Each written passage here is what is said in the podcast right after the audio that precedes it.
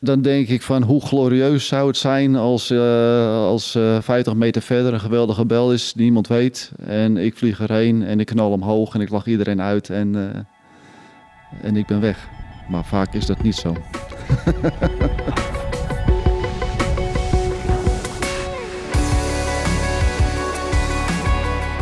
Hoi, leuk dat je luistert naar Paragliding Vliegpraat, de podcast over paragliding en alles wat daarbij komt kijken.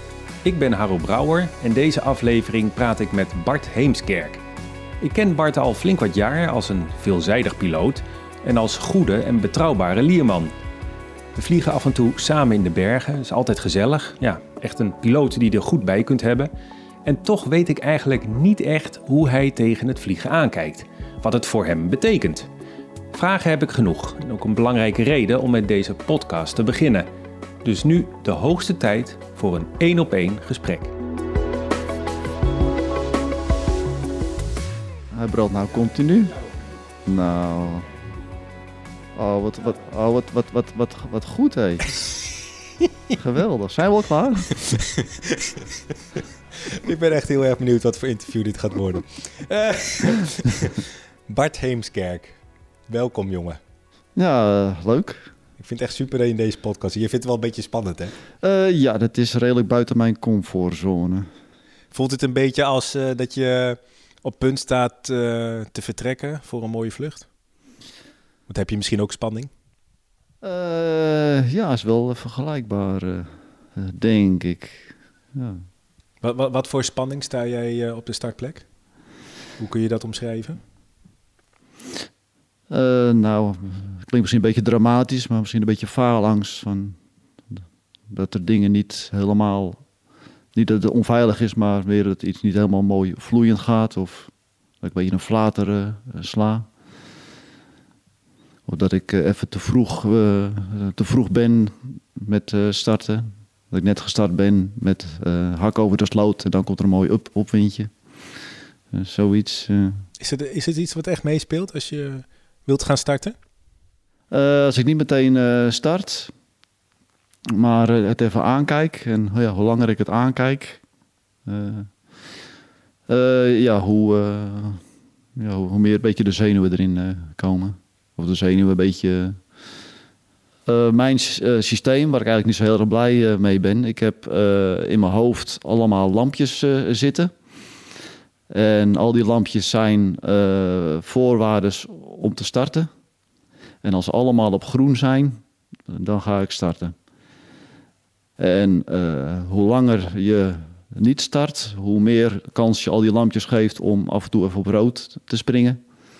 Van, oh, een, een rugwindje, pling, een lampje gaat op rood. En dan heb, je, uh, heb ik toch weer een langere tijd een mooie wind nodig voordat het lampje weer op, op groen gaat. En heb jij veel lampjes in je hoofd? Uh, nou, een ander lampje is bijvoorbeeld van, nou, je hebt een hoop moeite gedaan om uh, op de start te komen. Nou ja, dan wil je niet uh, met vijf minuten weer beneden staan.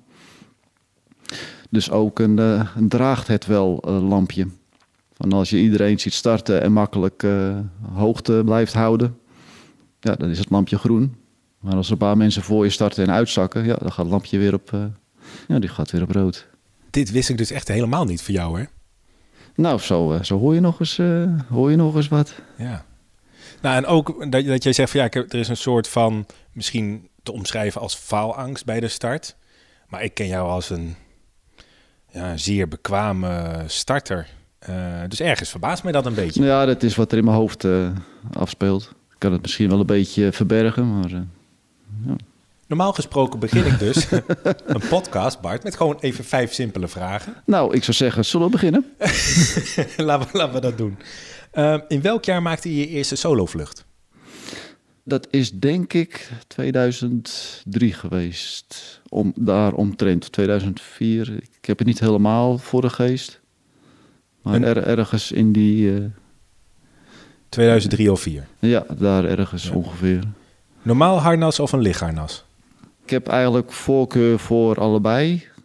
De, de zitharnas vind ik eigenlijk op alle vlakken prettiger. Uh, het geeft me meer uh, controle. Het is minder uh, gedoe. Het starten is makkelijker. alleen ja, voor lange vluchten, dan is het toch wel prettiger als je in een lichtharnas zit. Dus ik heb allebei en ik gebruik ze ook nog allebei. Dus voor mooie genietvluchten gebruik ik een zitharnas. En uh, met grootste plannen voor uh, lang, hoog en ver, dan uh, gebruik ik de lichanas. Is dat dan geen genietvlucht? dat is ja, anders. Komen we nog op. Het zijn ander, andere facetten. In welk land zou je nog eens willen vliegen? oei, Macedonië op, op het programma.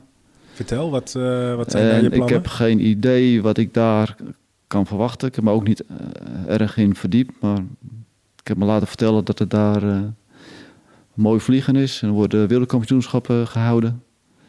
En, uh, en met wie ga je daar naartoe? Uh, daar ga ik met uh, Holland naartoe, met, met PAHO. Wat is je favoriete startmethode? favoriete startmethode is met een comfortabele wind die precies goed is achterwaarts. Groepsdier of solist? Beide eigenlijk. het liefst ben ik solist. Vandaar dat ik eigenlijk ook Lehman ben. Maar ik ga wel altijd mee met groepjes op, met uh. Eigenlijk altijd boek ik ergens met een organisatie. Dat je met gelijkgestemden mee bent. Dus ja, eigenlijk is allebei van toepassing. Want paragliden is eigenlijk ook een soliste iets. Zodra je helemaal gestart bent, dan uh, ja, zit je in je eigen wereldje in je eentje. Ja, daarbuiten vind ik het, uh, het sociale aspect met, een, uh, met, ja, met zo'n groepje mee een week lang, ja, dat vind ik ook erg fijn. Terug in de tijd, het moment dat jij in 2003 of 2004 begon met paragliding, hoe, hoe ben je erbij gekomen? dat is een beetje een lang, lang verhaal. Dus nou, probeer, ik, probeer het in een paar minuten uit te leggen. Een paar minuten uitleggen ik ben begonnen met parachutespringen, skydiven. Uh, dat heb ik, denk vier jaar uh, gedaan. En dat was steeds in Frankrijk, bij een Nederlandse organisatie in Frankrijk. En dat heb ik gedaan tot ik mijn eh, brevet had, tot ik zelfstandig mocht springen. En toen was ik er eigenlijk wel een beetje klaar mee ja, dat is wel een leuk verhaal. Met parachutespringen, van de eerste keer dat je uit een vliegtuig springt. Nou, dat is zo'n geweldig, zo'n uh, zo'n adrenaline, dat heb je nog nooit meegemaakt. Dat is super, is dat. Maar de tweede keer, de derde keer, de tiende keer, de dertigste keer, ja, die, die kick wordt steeds minder. Want ja, je weet wat je te wachten staat en wordt nou, een beetje uh, routineachtig dingetje. Ja, geen was ik klaar mee. Denk ik, nou, Delta vliegen. Dat lijkt me leuk. Heb ik uh, beginnerscursus Delta vliegen gedaan. Maar die uh, beginnerscursus, dat bleek dus om een aantal weken achter elkaar de oefenheuvel op en af te rennen. En ook weer omhoog lopen met die zware vleugel. En ja, ik denk, nou goed, heb ik een keertje meegemaakt. Paragliden, dat lijkt me wel leuk. Dus, uh, ja, beginnerscursus uh, gevolgd aan, aan de Lier. En uh, ja, op de tweede dag hing je al solo in de lucht. En ja, dat was al geweldig. Maar het mooie van paardenkleiden is van eerste keer met een tandem mee, dat is al geweldig. eerste keer solo is geweldig. goede starts en landingen, dat is geweldig. Elk stapje wat je zet, wordt het alleen maar leuker van. Eerste keer thermiek, dat je wat langer blijft hangen. Nou, dat is helemaal top. En elk stapje wat je zet, elke progressie die je maakt, ja, dat is gewoon hartstikke leuk. Dus als ik erover nadenk, is eigenlijk omgekeerd aan parachutespringen. Want de eerste sprong van parachutespringen, nou, dat is nog steeds hoogtepunt van mijn leven, nog, nog steeds. En de sprongen daarna, ja, dat werd steeds uh, ietsjes minder geweldig. Nog steeds geweldig, maar steeds ja, ietsjes minder. Maar nu uh, haal ik uh, voldoening uit om hoger, verder en langer te vliegen. Van overlandjes proberen en steeds verder en verder. En steeds meer schermencontrole. Dus ja, er zijn zoveel facetten eh, waar je in kan bekwamen en waar je beter in kan worden. En het, ja, daardoor blijft het leuk en boeiend. Het, het zal nooit gaan, eh, gaan vervelen. Dus ja, paardenkleiden, daar ben ik in eh, blijven hangen. En vind ik nog steeds, eh, nog steeds leuk. Dat is een blijvertje. Ook het sociale aspect, ook de mensen die ik tref, ook allemaal leuke mensen. Je treft eigenlijk zelden vervelende mensen aan. En eh, ja, dat vind ik ook behoorlijk eh, ja, belangrijk. Ja. Vind ik fijn. Ik wil het met jou over een paar dingen hebben. Je had het net even over lieren. Gaan we het zeker over hebben. Over landvliegen. Oh ja, en soren wil ik het ook graag even met je over hebben. Ik vlieg sinds 2003. Ja. Maar eigenlijk ben ik drie jaar geleden voor het eerst eh wezen zoren. Terwijl jij niet heel ver van zee af woont, hè? Eh, half uurtje. Dus daar, eh, daar ligt het niet aan. Kun je zo'n soordag even kort omschrijven hoe dat voor jou eruit ziet? Meestal zijn er al wat mensen daar. En het is wel een ja, behoorlijk stukje lopen. Want ja, omdat ik niet zo van druk en hectiek hou, loop ik expres een, heel stuk eh, verder. Waar het eh, ja, eigenlijk heel strand voor je eigen hebt. Wat voor schermen heb je bijvoorbeeld mee? Of misschien wel meerdere, ik weet het niet. Ik heb nu een klein schermpje van eh, geloof vi- 20 vierkante meter. In, in soorttermen is dat nog wel redelijk groot, maar in mijn ogen nog steeds een klein schermpje. En ik heb eh, die eh, Skywalk eh, mee, mijn oude, mijn oude beheer. Even, even zitten, even genieten en dan eh, uitpakken en eh eerst crowdhandelen. En crowdhandelen, ja, dat gaat naadloos over in eh, het duin oplopen en, eh, en vliegen. En dan vlieg je een aantal keer heen en weer. En dan heb ik het eigenlijk ook alweer snel bekeken. En eh, ja, een landje en even, even wat drinken, even wat eten en dan weer, weer een stukje vliegen. Want een hele dag zoren, dat, nee, dat, dat hou ik niet vol.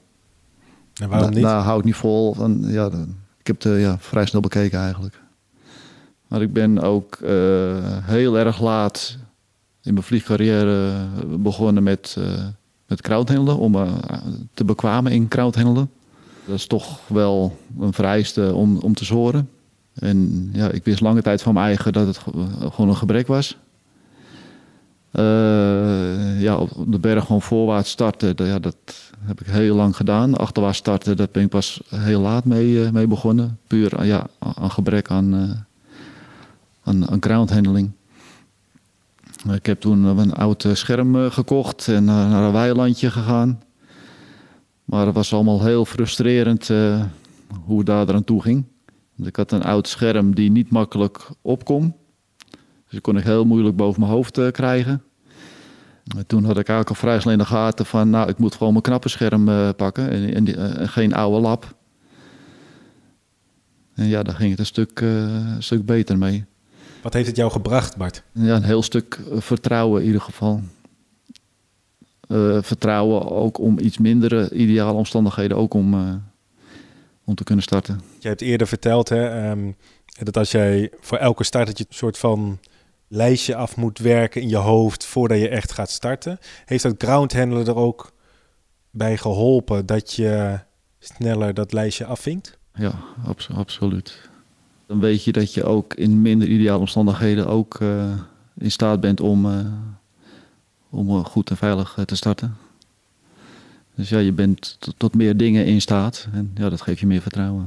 En waar, waar liggen voor jou de grenzen nu? Uh, ja, dat is een goede. En laat je je daarbij ook beïnvloeden door anderen? Uh, ik laat me heel makkelijk beïnvloeden. Ja, zoals ik al zei, ik heb allemaal uh, lampjes in mijn hoofd en die springen heel makkelijk op rood en wat lastiger op, op groen. En ja, invloeden van anderen kan ook zijn dat er één of uh, twee lampjes op rood uh, springen. Ik ben erg gevoelig voor als het omstandigheden goed lijken, maar er vliegt niemand. En ik kan, als ik zelf niet kan beredeneren van, goh, waarom vliegt er niemand? Ja, dat heb ik al een paar keer gehad. Omstandigheden zien er allemaal goed uit. En het is, het is weekend, het zou hier zwart van de lucht moeten zijn van alle locals, maar toch is er niemand. En, ja. en het is denk ik ook iets wat me tot nu toe nog redelijk uit de problemen heb, heb gehouden. Ik heb hele ruime marges, vind ik zelf. En door het lampjesysteem in mijn hoofd... Uh, ja, ik start pas als alles op, op groen uh, in mijn hoofd staat. En ja, daardoor laat ik ook wel eens vluchten leggen. Besluit ik wel eens om niet te starten terwijl het wel vliegbaar is. Uh, daardoor kom ik ook niet al te vaak in uh, pinaire. Uh, is dat een woord, pinair? Ik vind het een mooi woord. Benaarde situaties. Ja, zoiets. Ja. Um, over land vliegen, dat is, dat is zeg maar nu waar, waar je je verder in wilt bekwamen. Verder, hoger. Ja, dat is ja, behoorlijk hoog op mijn bucketlist om daar een keer een hele mooie lange vlucht mee, uh, mee te maken. En hoe lang moet die vlucht zijn? Of gaat het bij jou nou, dan om de lengte of gaat het echt om het bijzondere van de vlucht? Dat is de magische 100 kilometer. Het record is 60 kilometer. Ook niet slecht? Ook uh, niet slecht. Ook allemaal uh, geweldig. Maar uh, ja, de, de 100 kilometer die, die wil, wil, ik ook wel eens aantikken. Je bent vaak, zeg je al, met een, met een groep. Dus je bent niet alleen in de lucht. Bespreek je dan van tevoren met de andere piloten wat ongeveer de bedoeling is? Of trek je hierin ook wel echt je eigen plan? Ik trek eigenlijk altijd wel mijn eigen plan. Ik doe heel weinig aan voorbereiding. Ik laat het meer om afkomen en ja, improviseren eigenlijk ter plekke van uh, uh, wat doe ik, welke kant ga ik op, welke, welke route doe ik. het is denk ik niet aan te bevelen die methode, want ja, door gebrek aan voorbereiding ja, mis je ook soms wel eens belangrijke aansluitingen en belangrijke punten. Waardoor je toch weer uitzakt en op de grond, op de grond staat. Dus is het een voorbereiding die je nog wilt perfectioneren? aanpassen misschien wel? Nou, is ook een beetje luiheid, want ik uh, ga meestal mee met ja, georganiseerde weekjes. En meestal wordt het wel aangereikt van, nou, dit is een mooie dag om die route te doen. En uh, ja, daar en daar zijn de aandachtspunten.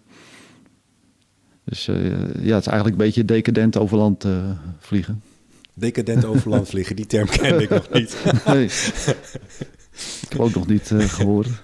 Hey, en, um... Nee, maar dat is wel zeg maar een beetje ook de rem op mijn ambitie.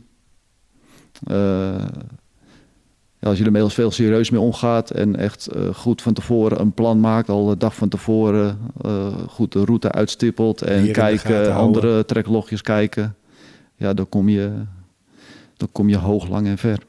En als je het meer op het moment zelf bekijkt van... oh, Frip, het, uh, het is thermisch, het draagt wel. Nou, uh, eens kijken wat we gaan doen. Dan, uh. en, en baal jij dan als je eerder dan anderen op de grond staat? dan baal ik wel, want ja, de kansen die zijn er dan schijnbaar wel. En die heb ik dan weer laten liggen. Dus dat vind ik dan wel weer jammer. Maar baal ik meer naar mezelf toe van... nou, misschien toch het wat beter je best moeten doen. Wat meer uh, voorbereiding van tevoren, wat meer geduld. En vooral uh, geduld hebben in de, in de lucht. Heb je dat? Geduld in de lucht? Dat je heel lang op één plekje moet pielen soms om weer naar boven te komen? Uh, veel te weinig. Veel te weinig. Van als het ja, langer dan 10 minuten zo duurt, dan denk ik van nou, ik heb het wel gezien.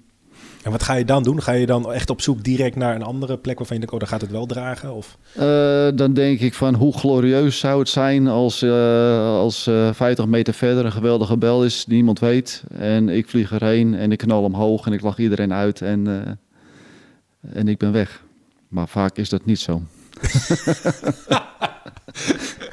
maar een, enk een, enkele keer wel, maar het is heel, heel, heel, heel zeldzaam. Waar heb je die vlucht van 60 kilometer gemaakt, Bart? Uh, dat was in Tannheim, Oostenrijk, uh, was dat. En dat was eigenlijk ook totaal zonder voorbereiding en meer op het moment zelf beslist van... Uh, nou, we gaan eens even een stukje verder kijken. Oh, dat gaat wel lekker. Oh, we gaan nog een stukje verder kijken. Oh, we zitten nu in Anderdal. links, rechts, gaan we deze kant op. Dus eigenlijk ja, improviserend, ja, toch een, een lekker eentje gekomen. En je dat dan helemaal op gevoel? Of heb je ook een batterij aan instrumenten mee uh, waar je naar kijkt? Of je er überhaupt wel mag vliegen, bijvoorbeeld? Uh... Uh, nou, dat weet ik wel redelijk van tevoren wat de, ja, wat de beperkingen zijn. En ja, het is ja, je half intuïtie op gevoel van waar je op af op afkoerst. Welke instrumenten gebruik jij echt veel tijdens de vlucht? Eigenlijk alleen maar het gepiep van de Vario. Vario die kan ook, uh, ook thermiek hulp in en allerlei uh, moderne fratsen zitten erin. Eh, maar dat, nee, ik gebruik eigenlijk alleen maar het, het gepiep. Want die langste vlucht tot nu toe van jou, hè, die 60 kilometer bij Tannheim, dat was echt op gevoel. Van ik ga hier links, ik ga hier rechts. Ja, ja, ja. Dat was uh, ja, puur op gevoel en improvisatie. Was ook een gebied waar ik nog nooit geweest was. Dus ja, ja, dat was echt een mooie stad. Een hele mooie afsluiter is dat ik vlakbij een zwembad ben geland met een barretje. Dus met een patatje en een biertje in de hand vriendelijk gevraagd of opgehaald kon worden. Dus ja, dat was de ultieme afsluiter. Ik zeg altijd van bij Overland altijd landen bij de bar. Je moet altijd bij een cafeetje of een tankstation, je moet altijd ergens landen waar je een... een tractatie. ja, waar je ter plekke een landersbiertje kan, kan krijgen. Lieren? Gaan we het over hebben? Ja, lieren. Hoe lang ben jij al lierman? Ja, afgelopen seizoen was mijn tweede seizoen als, uh, als lierman. Je zei helemaal aan het begin bij het voorstelrondje, um, toen ik zei groepsdieren of solisten, toen, toen benoemde je ook specifiek het lieren. Leg dat eens uit. Het lieren is voor mij in de eerste plaats om toch met je hobby bezig te kunnen zijn. Je staat toch even met je scherm in je handen. En, en wat ik uh, hoofdzakelijk... Uh, aspect is dat ik daar met uh, ja, mensen binnen de club, dat zijn toch wel allemaal mijn vrienden. En heb jij gekozen om lierman te worden?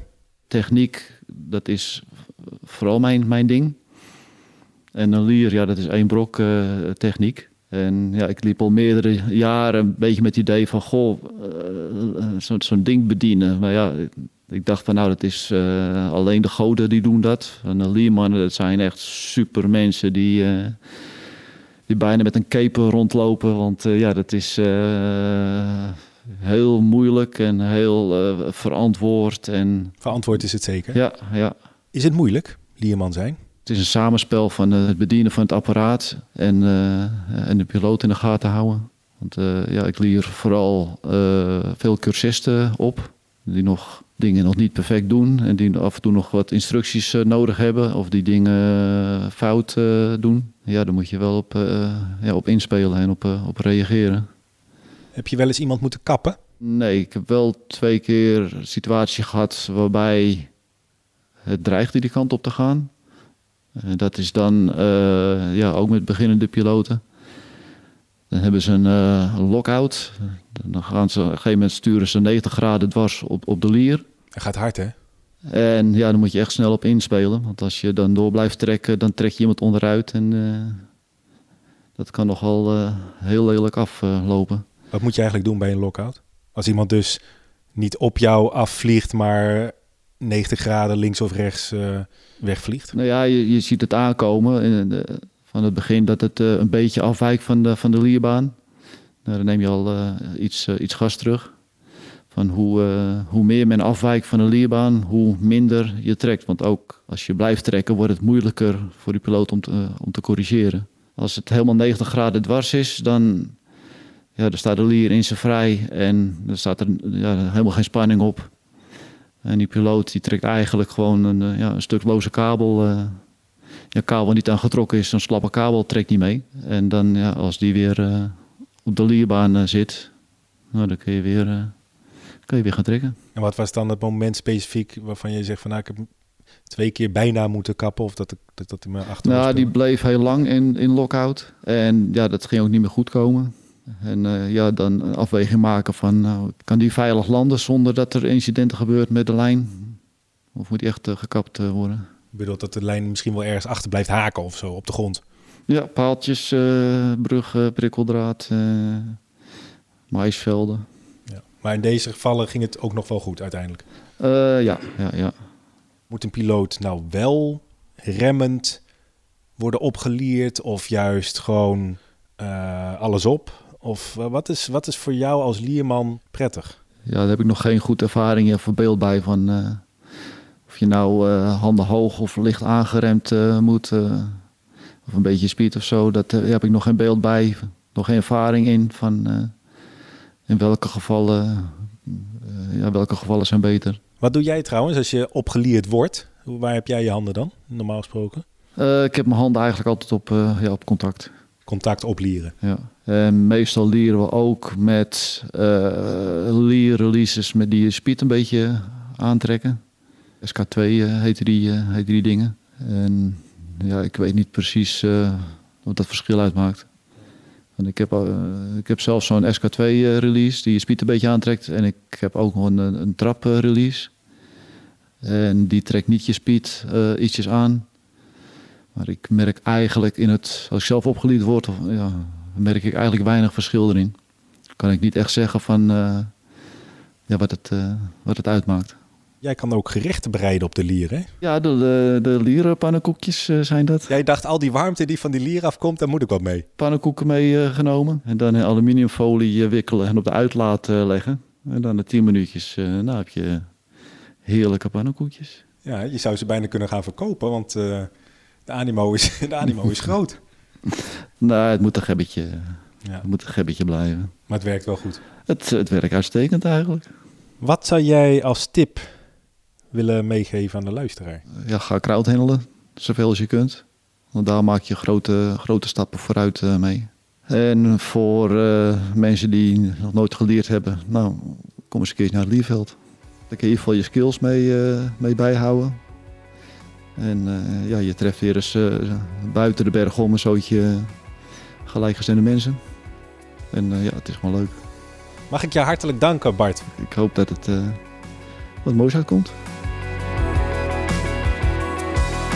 Tot zover deze aflevering van Vliegpraat. Een mooi en eerlijk verhaal van Bart. Je hoorde deze aflevering de onderwerpen lieren en overlandvliegen voorbij komen. Onderwerpen die ik vaker ga bespreken deze podcast. Meerdere afleveringen hierover zijn in productie, dus stay tuned. Hopelijk heb je met plezier geluisterd. Laat dat vooral even weten. Dat kan bijvoorbeeld door een recensie achter te laten via de Apple Podcast app. Of stuur een mailtje naar haro.hepmp.nl. Deel deze podcast vooral. Op die manier bereikt Paragliding Vliegpraat ook geïnteresseerden en piloten die er nog niet van hebben gehoord. Abonneer je vooral op de podcast, dan krijg je bericht wanneer de volgende Vliegpraat klaar staat. Het zal een week later zijn dan je gewend bent in verband met de tijd die het kost om Vliegpraat te produceren. Dus iets langer geduld alsjeblieft en tot de volgende.